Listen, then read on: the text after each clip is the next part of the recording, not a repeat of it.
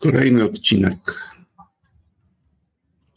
W moim życiu, tak jak i w waszym zapewne, coś ważnego zazwyczaj zaczyna się czasami od jednego normalnego słowa. Może od słów, może od jakiegoś zwrotu, a może od jakiegoś zdania. Tym razem było tak samo. Wszystko zaczęło się od trzech normalnych słów: zamek, okno i guzik. By móc wrócić jednak do tego wydarzenia, jeszcze raz, i tu zacytuję, zacytuję Orianę Fallaci z jej chyba jednej z najpiękniejszych biografii, autobiografii, które czytałem, czyli zdanie z kapelusza całego wcześniej. No właśnie, by móc wrócić do tego wydarzenia, jeszcze raz zatonę w bezsensownej plątaninie, której na imię historia. Wkroczę do zastygłych i niemych już sal, gdzie szelest z kartki wydaje się wystrzałem z armaty. Dzień dobry. Nazywam się Tristan Trezar, a ty słuchasz kolejnego odcinka podcastu Krótko o. Dzisiaj krótko o historii, o krótkiej historii, ale bardzo ważnej dla mnie, bo to, o czym Wam opowiem, zdarzyło się tym razem nie baśce i nie komuś innemu, tylko zdarzyło się mi. Historia, którą Wam opowiem, zaczęła się od tak po prostu od okna. Normalnego okna, można powiedzieć, w normalnym biurze. A nawet tafli szkła, przy której prawie codziennie w ciągu ostatnich czterech lat zaczynałem dzień. Dzisiaj przecież wielu z Was, słuchacze, słuchaczki, zaczyna dzień przy tafli szkła w niejednym wielkomiejskim lub nieco mniej miejskim biurowcu. Przynajmniej przez połowę tego czasu patrzyłem na nie pośpiesznie, ukradkiem. W istocie w ogóle nie dostrzegałem tam okna. A co gorsze, przez kilka ostatnich lat, o których opowiadam Wam w tej historii, nie dostrzegałem tego, co działo się poza nim. Widziałem i patrzyłem tylko na ludzi i wydarzenia z wewnątrz zamku. Ten zamek, czego nie trudno się nie, do, czego nie trudno się nie domyślić, absorbował i pociągał mnie. Ciekawił mnie świat tylko wewnątrz, ten, za, ten na zewnątrz tylko w relacji do tego wewnątrz. I tak w tej relacji trwałem. Nie zmieniałem tego i żyło mi się, muszę Wam powiedzieć, całkiem dobrze. Nagle 10 września roku 2009 o nieludzkiej porze, bo parę minut po piątej rano, okno zadrażało i przemówiło. Wtedy po raz pierwszy świadomie złapałem sam siebie na gorącym uczynku, że za oknem jest życie. To było miłe, ale zaskakujące. Przyłapałem się na rozmowie z oknem, oczywiście takiej niemej. Poczułem się dziwnie, Rozejrzałem się uważnie dookoła i tak, by nikt nie zauważył, zacząłem z moim oknem pierwszą świadomą, niemą moją rozmowę.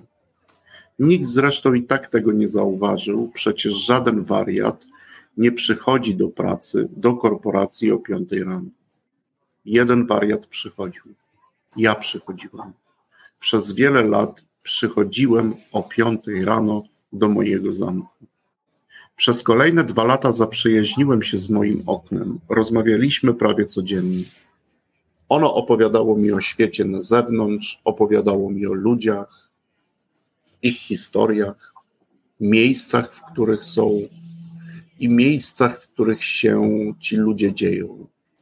Im dłużej się znaliśmy, tym częściej rozmawialiśmy. Nie tylko w porannych godzinach. Nasze rozmowy, moje wypatrywania, wpatrywania z początku były krótkie i nieśmiałe. Tak długo nie było mnie w tamtym świecie, o którym mi opowiadał. Byłem i żyłem na zamku. Wraz z upływem czasu patrzyłem odważniej. Okno jak to okno, przekonywało mnie zresztą do tego zewnętrznego świata. Pokazywało ciekawe rzeczy i robiło to nieśpiesznie. Wytrawny gracz, a ja coraz częściej wpatrywałem się w te jego normalne historie i coraz rzadziej absorbował mnie mój świat. Coraz rzadziej absorbował mnie zamek. I tak wsłuchując się w odgłosy dobiegające z mojego okna, sześć miesięcy później postanowiłem wyjść na zewnątrz. Tego dnia zacząłem przygotowywać się do tego wyjścia, do zmiany. Chciałem jej bardzo. Moje przygotowania trwały 18 miesięcy. By poczuć się gotowym, pewnym, wiele musiałem zrobić. Nie chciałem wyjść i się bać. Po 18 miesiącach byłem gotowy. Mimo mojej gotowości nie wyszedłem. Przez kilka następnych miesięcy stałem na progu i nie wychodziłem. Wciąż rozmawiałem z oknem. Pytało mnie, kiedy wyjdziesz, a ja tylko powtarzałem: Już niedługo, zobaczysz. Nie wychodziłem. Zacząłem się czuć nieuczciwie wobec zamku. Przecież byłem gotowy, a nie wychodziłem, tylko trwałem. Trwałem tu, bo bezpiecznie. Trwałem, choć sprawy tego zamku tak naprawdę nie były już moimi sprawami.